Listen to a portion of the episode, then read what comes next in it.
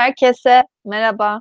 Bugün başarılı bir şirket olmanın formüllerine dair bir söyleşi gerçekleştireceğiz.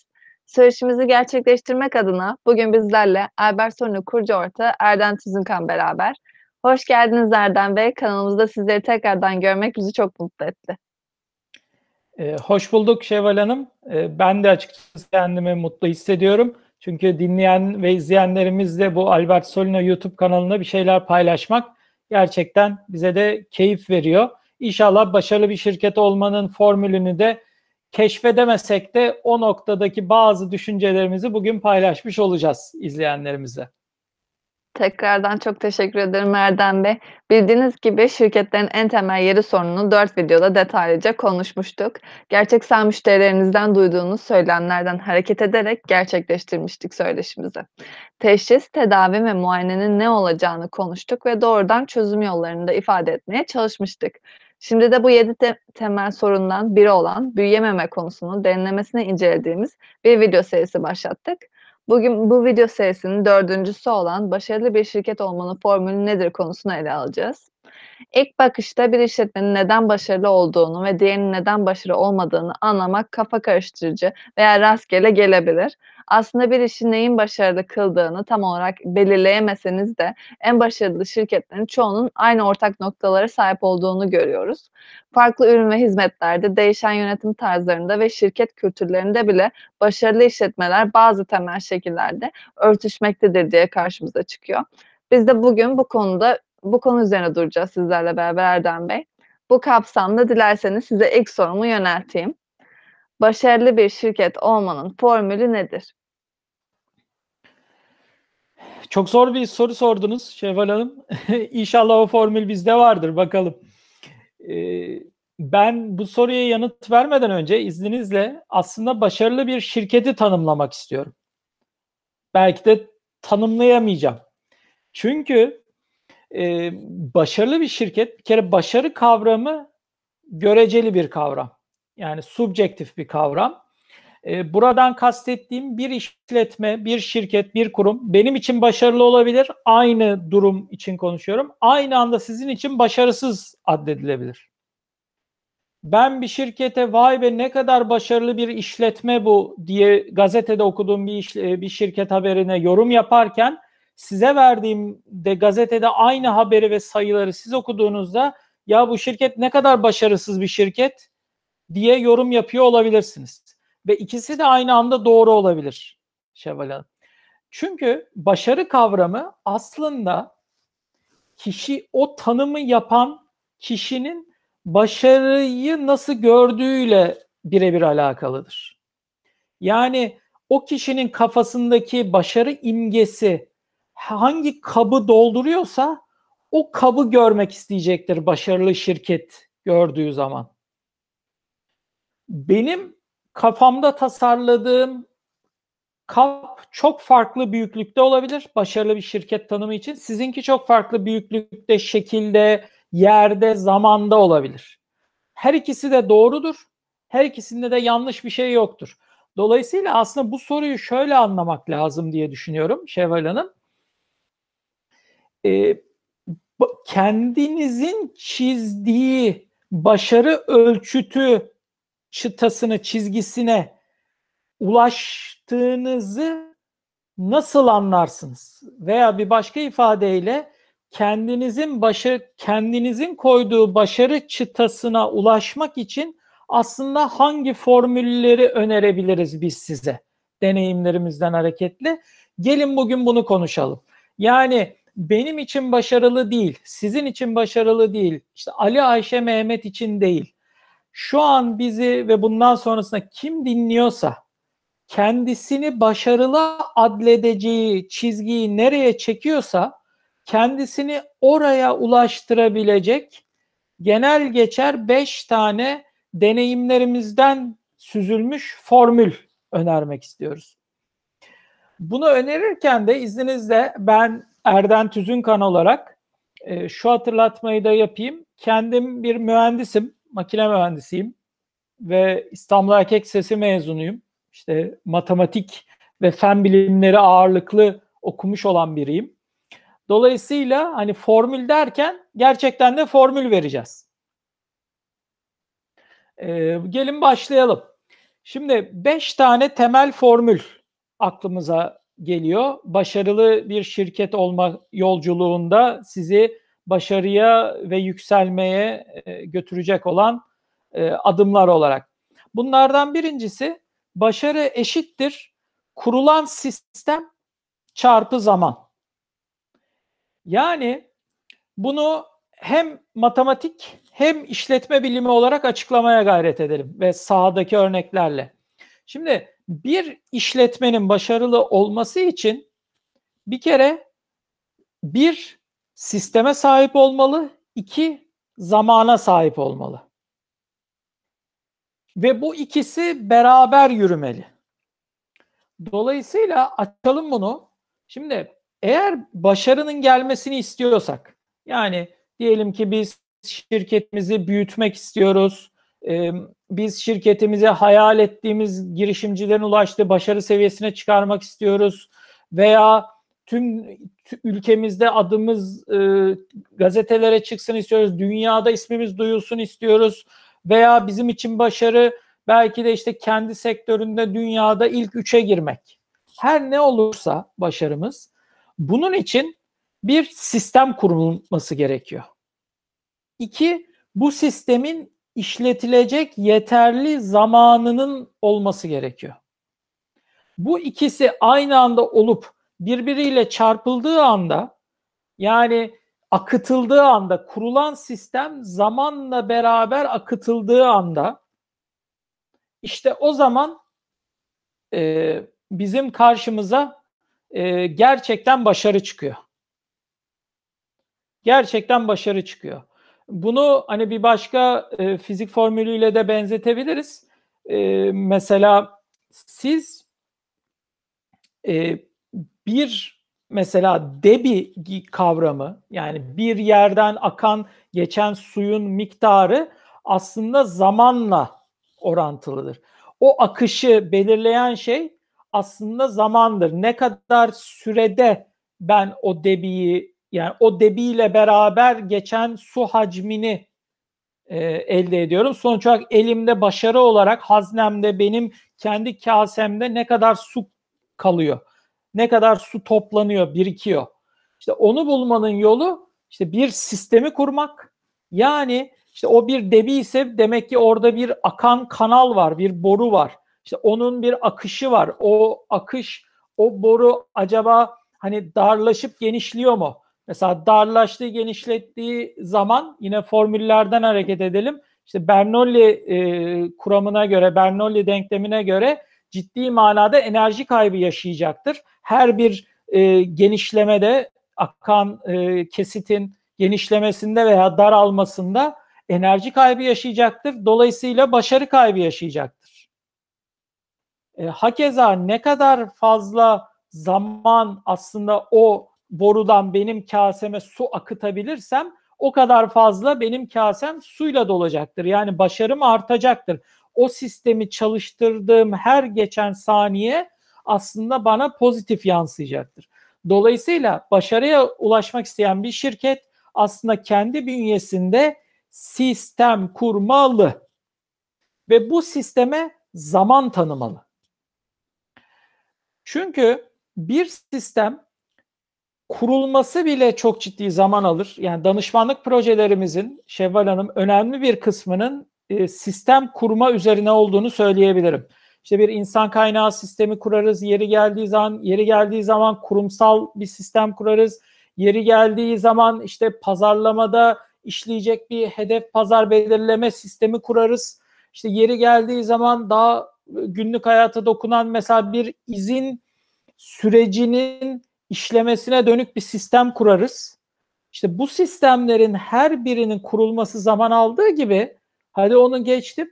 Bir sistemin çalışır, değer üretir, fayda üretir yani başarı üretir hale gelmesi için zaman gerekiyor. O yolculukta o kurulan sistemde sabretmek gerekiyor. O sistemin varsa eksiklerini tamamlamak gerekiyor sürekli bir iyileşme felsefesinde olmak gerekiyor. Başarının formülü olarak ve bunu da zamanla beraber zamanla sürekli çalıştırarak, sabrederek ona gerekli zamanı tanıyarak sonuç üretir hale gelmesini beklemek gerekiyor. Basit bir işte izin süreci kursanız bile sisteminize işte bir çalışanın izni basitçe alıp ona işte üst makamının onayladığı işte bunların bir arada e, görülebildiği kaç gün izninin kaldığını bilebildiği bir e, gösterge paneline de sahip olduğu bir sistem düşünün. Tüm bu sistemin unsurlarını e, organizasyon, sistem ve teknoloji olarak tasarladığımızı düşünseniz daha iyi. İnanın bu sistemin şirkette sorunsuz başarıya götürür bir şekilde çalışması için zaman gerekiyor. Dolayısıyla demek ki başarının formülü kurulan ve kurulacak sistemler çarpı zamandan geçiyor. E, iki değişkenin çarpılması bize başarıyı getiriyor. Gelelim ikinci formüle Şevval Hanım. Başarı aynı zamanda delege edilen işlerin karesinin alınmasından geçiyor. Yani bir başka ifadeyle e, siz delege edilen iş üzeri iki yaptığınız zaman aslında çarpan etkisiyle yayılan bir verimlilik ve verimlilik sonucu da başarı görüyorsunuz. Şimdi bu çok kritik ve delege edilen iş kavramını belki biraz açmak gerekiyor. İş delegasyonu bu anlamda nedir? Nasıl başarıyı getirir? Peki başarının formülü olarak nasıl bu delegasyon konusu önümüze geliyor? Şundan dolayı Şevval Hanım, bir işletmede, bir şirkette, bir kurumda kurumsal olarak ileriye gidebilmenin yolu sizin üzerinizde olan yükleri daha az değer yaratan ve daha çok değer yaratan olarak tasnif edip bu tasnife göre daha az değer yaratanları delege etmenizden geçiyor. Çünkü değere odaklanabilmeniz için daha çok değer yarattığınız işlere zaman harcamanız lazım. Peki aynı anda üzerinizde birçok hangi pozisyonda olursanız olun bu arada değişmez. Yani genel müdürde olursanız olun bir e, uzman olarak işe alında, alınıp çalışıyorsanız da aynısı geçerli. Eğer üzerinizdeki işleri daha çok değer yaratan ve daha az değer yaratan olarak ta- sınıflandıramazsanız ve bu sınıflandıratan işleri ben aslında benim yerime başka kim veya kimler yapabilir belki de hangi sistem ve teknolojiler yapabilir diye kendinize bu soruyu sormazsanız az değer yaratan işte tıkılı kalıp takılı kalıp çok değer yaratan işe vakit ayıramayıp dolayısıyla başarıdan uzaklaşırsınız. Başarının formülü delege edilen bir işin sizde bir zaman boşluğu yaratacağı, zaman boşluğunun da daha çok değer yaratacak işle doldurulacağı gerçeğinden hareketle aslında bir üst makamınızda yer, e, alan kişinin de size böyle bir işi delege etmesinden ötürü aslında birbirinin karesi. Yani çarpan etkisiyle yayılan bir verimlilik ve başarı artışı olduğunu göreceksiniz. E, genelde başarıya ulaşamayan işletmelerin tanımladığı, e, kendilerinin tanımladığı sözcüklerden bir tanesi çok yoğunuz, çok yoğunuz, çok yoğunuz. İşte başımızı kaşıyamıyoruz ama bir türlü de işin içinden çıkamıyoruz. Sıfatlarında işte delege edilen işin olmamasından oluyor. Çünkü sıfırın karesini alsanız da yine sıfır. Hatta birin karesini alsanız yine bir. Yavaş yavaş bir işi başkasına devrettiğiniz zaman yani ikiye vardığınız zaman mesela ikinin karesini almaya başladığınızda dörde varıyorsunuz. Üçün karesini almaya başladığınızda dokuza doğru gidiyorsunuz. Dolayısıyla bu düsturdan hareketle her bir delege ettiğiniz iş aslında misliyle size pozitif verimlilik ve başarı artışı olarak geri dönüyor işletmenizde. Dolayısıyla bunu aklınızdan çıkarmadan başarının formülü delege edilen işin karesi şeklinde gerçekleşiyor diyebilirim. Gelelim üçüncü formüle. Albert Solne olarak başarılı bir şirket oluşturmanın üçüncü formülüne. Orada da bir çarpım işlemi var. O da şu Şevval Hanım. Doğru insanla insana yatırımı buluşturup birbirine eklemlerseniz yani çarparsanız işte o zaman eşittir başarıya ulaşıyorsunuz. Yani bir başka ifadeyle başarı eşittir doğru insan çarpı insana yapılan yatırım. Buradan da kastettiğimiz şu. Şimdi bizler robot değiliz. Yani bir işletme evet robotlar çalışabilir ama neticede birçok bir organizasyonel hiyerarşi içerisinde insanların çalıştığı bir işletmedir bir şirket. Bu şirket başarıya ulaşmak istiyorsa insanla ulaşacak. Doğru insanla ulaşacak. Doğru kavramının da bu noktada göreceli olduğunu hatırlatmak isterim. Benim bir işim için doğru olan insan çok becerikli olsa bile başka bir iş için doğru insan olmayabilir. Dolayısıyla o iş için doğru insanı bulmaktan geçiyor ve onu o insanı çekebilmekten geçiyor şirketinize. Bulmak sadece hani işte bir e, okyanusa işte bir olta atıp da bir balık gelsin beni yakalasın değil. Bir kere çekici hale gelmeniz gerekiyor. Yani tabiri caizse işte e, göl diyelim ki o, okyanus yukarıda siz aşağıdasanız zaten okyanus size doğru akacaktır aslında. İşte o potansiyel enerjiyi, kinetik enerjiyi haline getiren o akışı sağlamanız gerekiyor. Bir cazibe merkezi olmanız gerekiyor doğru insanlar için. O doğru insan ve insanları bulup işletmeniz için daha sonra da o bulduğunuz insanlara sürekli ve devamlı olarak yatırım yapmanız gerekiyor. Yani o insanı geliştirmeniz gerekiyor. O insanı eğitim programlarına almanız gerekiyor. O insanları belki yetenek geliştirme programlarına almanız gerekiyor. Beceri setini, yetenek setini, yetkinlik setini belirleyip eksik noktalarında iyileşmek için e, yetenek geliştirme planları yapmanız gerekiyor. Yetkinlik geliştirme planları yapmanız gerekiyor. Yetkinlik matrisine yerleştirmeniz gerekiyor. Kısacası o insana her anlamda yatırım yapmanız gerekiyor. O yatırım doğru insanı bulmakla birleşirse bir e, e, ikisinin birbirini ittirmesiyle beraber başarı kendiliğinden geliyor. Çünkü o doğru insan o anda doğru stratejiniz olmasa bile düşünüyor, taşınıyor. Kendisine yapılan yatırımla beraber yine doğru stratejiyi 3 ay sonra, 6 ay sonra, 1 yıl sonra buluyor ve işte bulduğu zaman sizi başarıya götürüyor işletme olarak bir aile, bir aile şirketi veya kurumsal şirket olarak.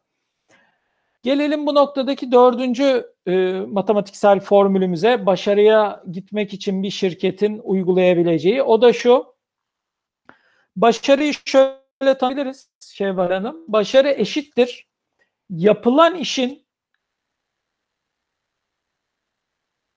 bölü, bölünmesiyle elde edilen sonuç birden büyükse yani büyüktür birse bu rasyo bu bölüm sonucu, bu kesirin sonucu işte o zaman başarı geliyor.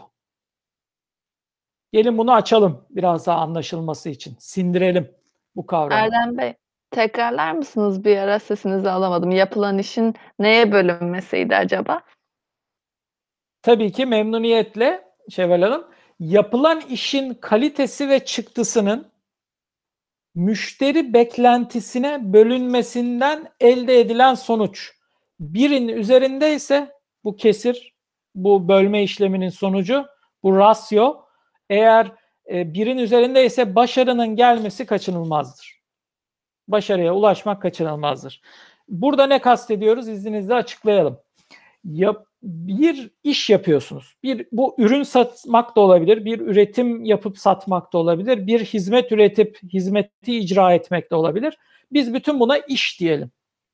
Bu işin kalitesi ve çıktısı e, eğer müşterinin o işten beklediğinden yani müşteri beklentisinden fazla ise müşteri sizi gönüllü marka elçiniz olacaktır.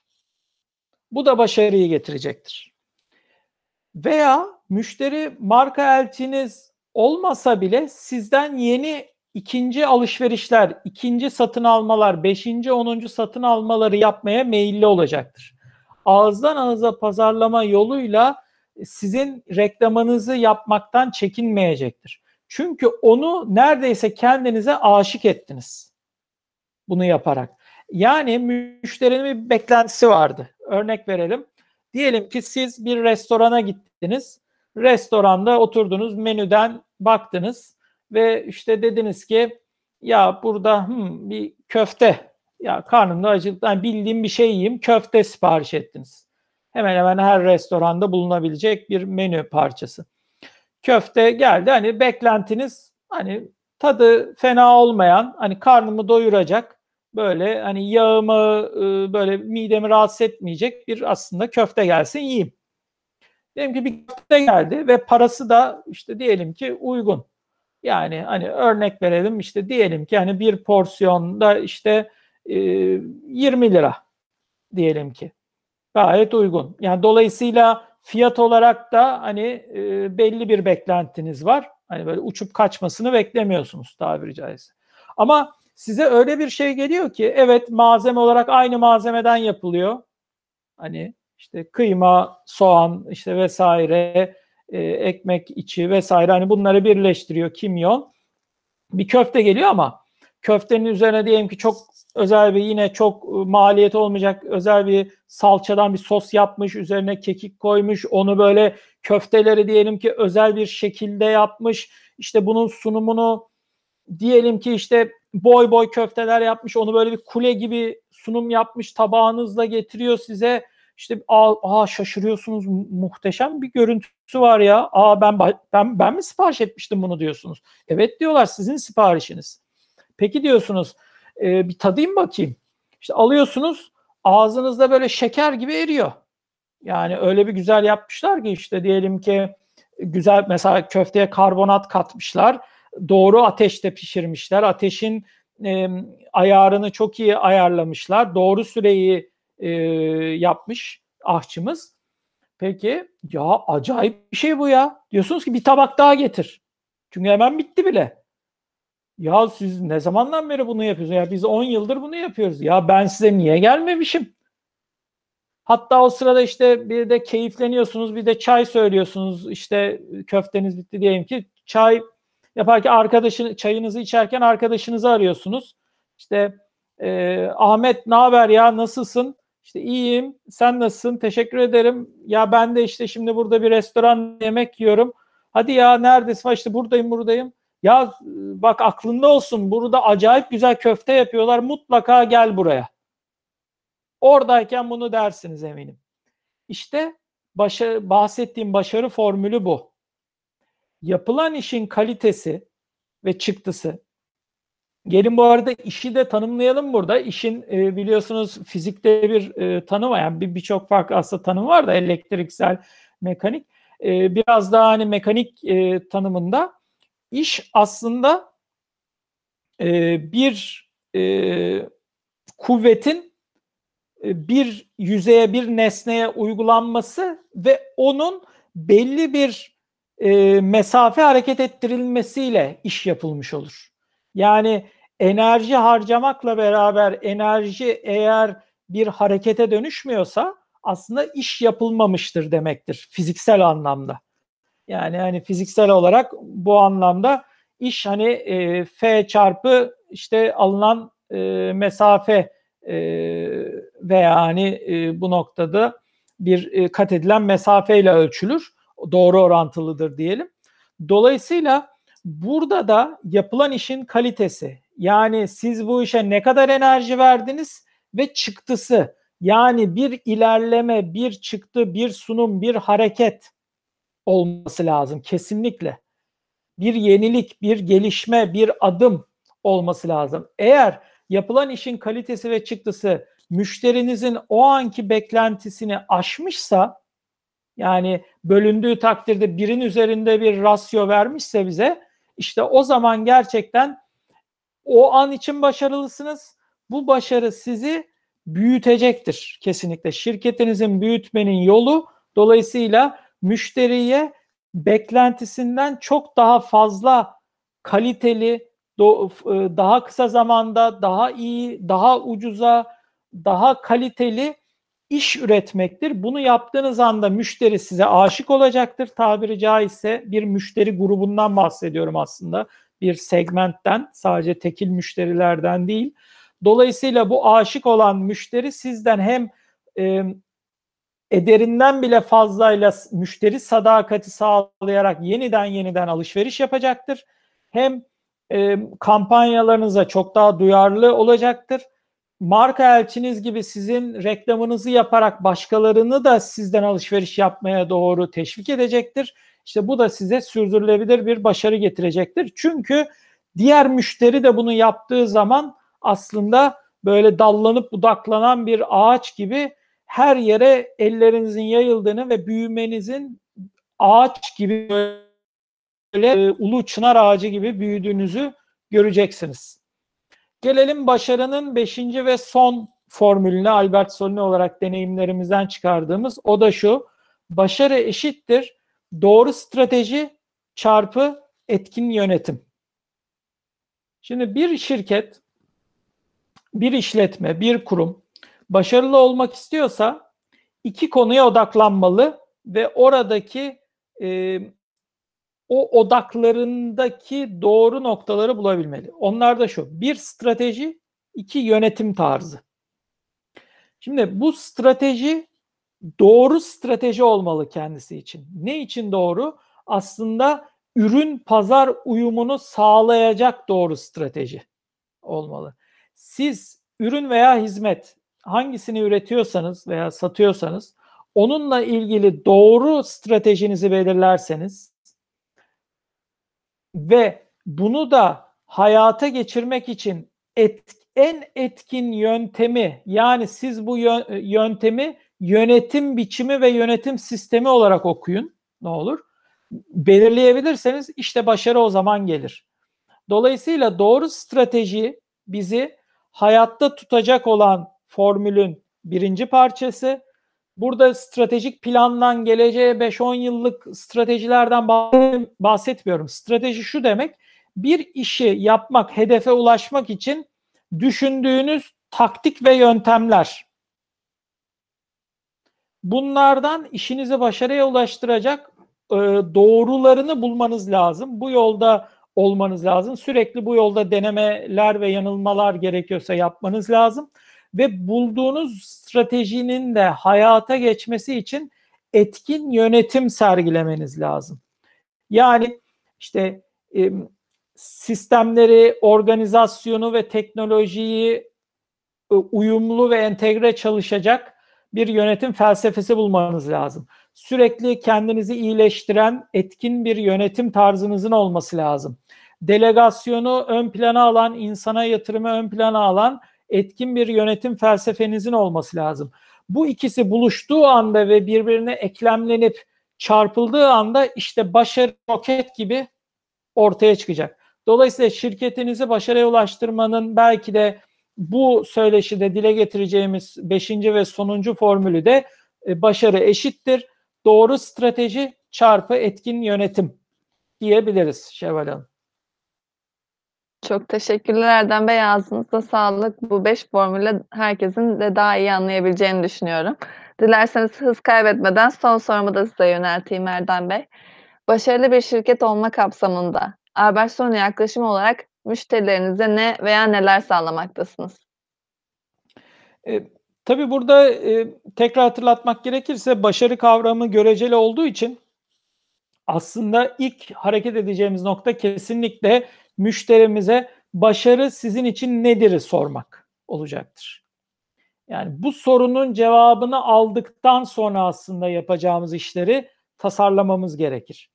Bununla beraber hani bu noktadan sonra yapacağımız her ne e, danışmanlık adı olursa olsun, danışmanlık projesi olursa olsun mutlaka şu üç temele dayanacağını düşünüyorum. Birincisi insan, mutlaka bir insan kaynağı ve organizasyon boyutu olacaktır.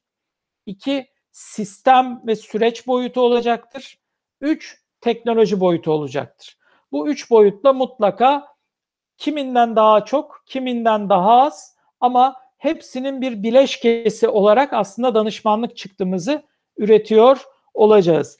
Gelelim tipik olarak hangi e, başarıya ulaşmak isteyen şirketlere e, hangi hizmet kollarında aslında yardımcı oluyorsunuz soru kısmına sorunun. Bu noktada aslında ilk akla gelen şey ve en temel e, bence hani ciddi incelenmesi gerektiğini düşündüğüm hizmet başlığımız yönetim danışmanlığı. Şimdi adı zaten yönetimin danışmanlığı. Bu da kastettiğimiz aslında yönetimin daha etkin olabilmesi için, daha kılcal damarlara işleyen bir yönetim sergileyebilmek için bir şirketin, bir kurumun, bir işletmenin neler yapması gerektiğini belirleme, bunu ortaya koyma ve buradaki e, sistemleri kurmak. Yani işte iş delegasyonu bunun içinde olabilir, e, e, sistem tasarımları bunun içinde olabilir, işte iş akışları bunun içinde olabilir, işte SWOT analizleri bunun içinde olabilir, işte BCG matrisi dediğimiz alan bunun içinde olabilir gibi. Gelelim ikinci bu konudaki hizmetimize Şevval Hanım. Bu da kurumsallaşma danışmanlığı diye özetleyebileceğimiz konu. Kurumsallaşma danışmanlığı kapsamında da başarılı olmak isteyen şirketlere biz kurumsal yapıların kurulması ve sürdürülebilirliğin sağlanarak başarıya ulaşması konusunda destek oluyoruz. Yani işte en etkin yönetim kurulu yapısı nasıl olacak, başarıya götürecek? Nasıl olacak? Ee, başarının anahtarı olabilecek e, yönetsel komiteler, yapılar neler, organizasyon ne, süreçler neler bunları tasarlıyor, tasarlamamız gerekecek başarılı bir firmaya ulaşmak için. Dolayısıyla biz bunların da genelinin toplandığı başlığına kurumsallaşma danışmanlığı diyoruz. Bu noktadaki belki üçüncü sayabileceğim başlık e, yetenek yönetimi danışmanlığı alt başlığı olabilir. Burada da e, hatırlarsınız başarının formüllerinden birini doğru insan çarpı insana yatırım olarak isimlendirmiştik. Bu noktada aslında yetenek yönetimi kavramı devreye giriyor. Bir insan kaynağı alt fonksiyonu olarak.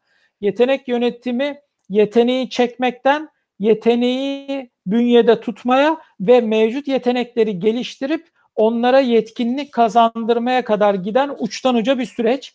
Bütün bu sürecin nasıl olması gerektiğini tasarlıyoruz, sistemleri kuruyoruz, yetenek yönetimi yapılarını tasarlıyoruz, yetkinlik geliştirici projeleri ta, e, tasarlıyoruz ve bunları hayata geçiriyoruz e, müşteri firmalarımızda. Dolayısıyla yetenek yönetimi de başarıyı getiriyor. Çünkü hatırlayacak olursak başarı doğru insan yani yetenek ve insana yatırım yani onun yönetimi aslında demek oluyordu hatırlayacak olursak. Gelelim bu noktadaki sonuncu aklıma gelen çözümümüze. Ya sonuncu derken en temel dört çözümümüzün sonuncusuna yoksa çok farklı çözümlerimizi de e, keşfedebilir değerli izleyenlerimiz. O da stratejik e, veya strateji danışmanlığı diyelim bunun ismine. Strateji danışmanlığı kapsamında bir, bir şirketin gitmek istediği yön nedir ve ulaşmak istediği amaçlar nelerdir bunları belirliyoruz. Kendimizin bir SWOT analizini yaparak bu SWOT analizde güçlü yönlerimiz, zayıf yönlerimiz, fırsatlar ve tehditleri belirliyoruz ve bu gitmek istediğimiz yöne nasıl ulaşabileceğimize dair bu SWOT analiz e, çerçevesinde de stratejilerimizi tasarlıyoruz. Her bir stratejinin alt stratejisini ve buna bağlı bunun hayata geçmek için gerekli olan e, entegre aksiyonunu tasarlıyoruz ve bunların belki de başarıya ulaşıp ulaşmadığını nasıl anlayabiliriz sorusuna cevap olarak da hedeflerini koyuyoruz. İşte bunun için KPI gibi veya anahtar performans göstergesi APG yöntemini uygulayabiliyoruz veya kurumsal karne işte İngilizce tabiriyle balance scorecard yöntemlerini uygulayabiliyoruz. Veya hatta bu hedefler kısmında yeri geliyor OKR yöntemini e, yani hedefler ve anahtar göstergeler yöntemini uygulayabiliyoruz. E, böylelikle de e, umarım sorunuza yanıt vermiş oldum Şevval Hanım. Çok teşekkür ede ederim Erdem Bey. Tabii ki cevap verdiniz. Çok detaylı ve çok bilgilendirici oldu. Bugün başarılı bir şirket olmanın formüllerine dair bir söyleşi gerçekleştirdik. Söyleşimizi gerçekleştirmek adına bugün bizlerle Albertsonu kurucu ortağı Erdem Tüzünkan beraberdi. Çok teşekkürler Erdem Bey. Bizlere vakit ayırdığınız için çok sağ olun. Ben de teşekkür ediyorum. Umarım gerçekten, emm, katkı sağlayıcı, eee, önerilerde bulunabilmişizdir değerli dinleyenlerimize. Çünkü onların işini başarıya ulaştırmak, bizim kendi işimizi de kişisel olarak, eee, kendi bilgi birikimimizi de başarıya ulaştırmak anlamına gelecek. Eee, ne olur, eee, başka, dostlarımız da bizi dinleyen ve izleyenler yorumlarını bizimle paylaşsınlar. Biz de onlardan bir şeyler kapalım ve zenginleşelim. Aynen öyle Bey. Tekrardan çok teşekkür ediyorum. Ben de hatırlatmak adına öncelikle izleyicilerimize teşekkür ediyorum. Sonra da hatırlatmak adına yorumlarınız varsa aşağıya yorum kısmından bize yorum bırakabilir ya da iletişim bilgilerinden bize ulaşabilirsiniz. Ayrıca kanalımıza abone olmayı unutmayın. Herkese sağlıklı günler diliyorum.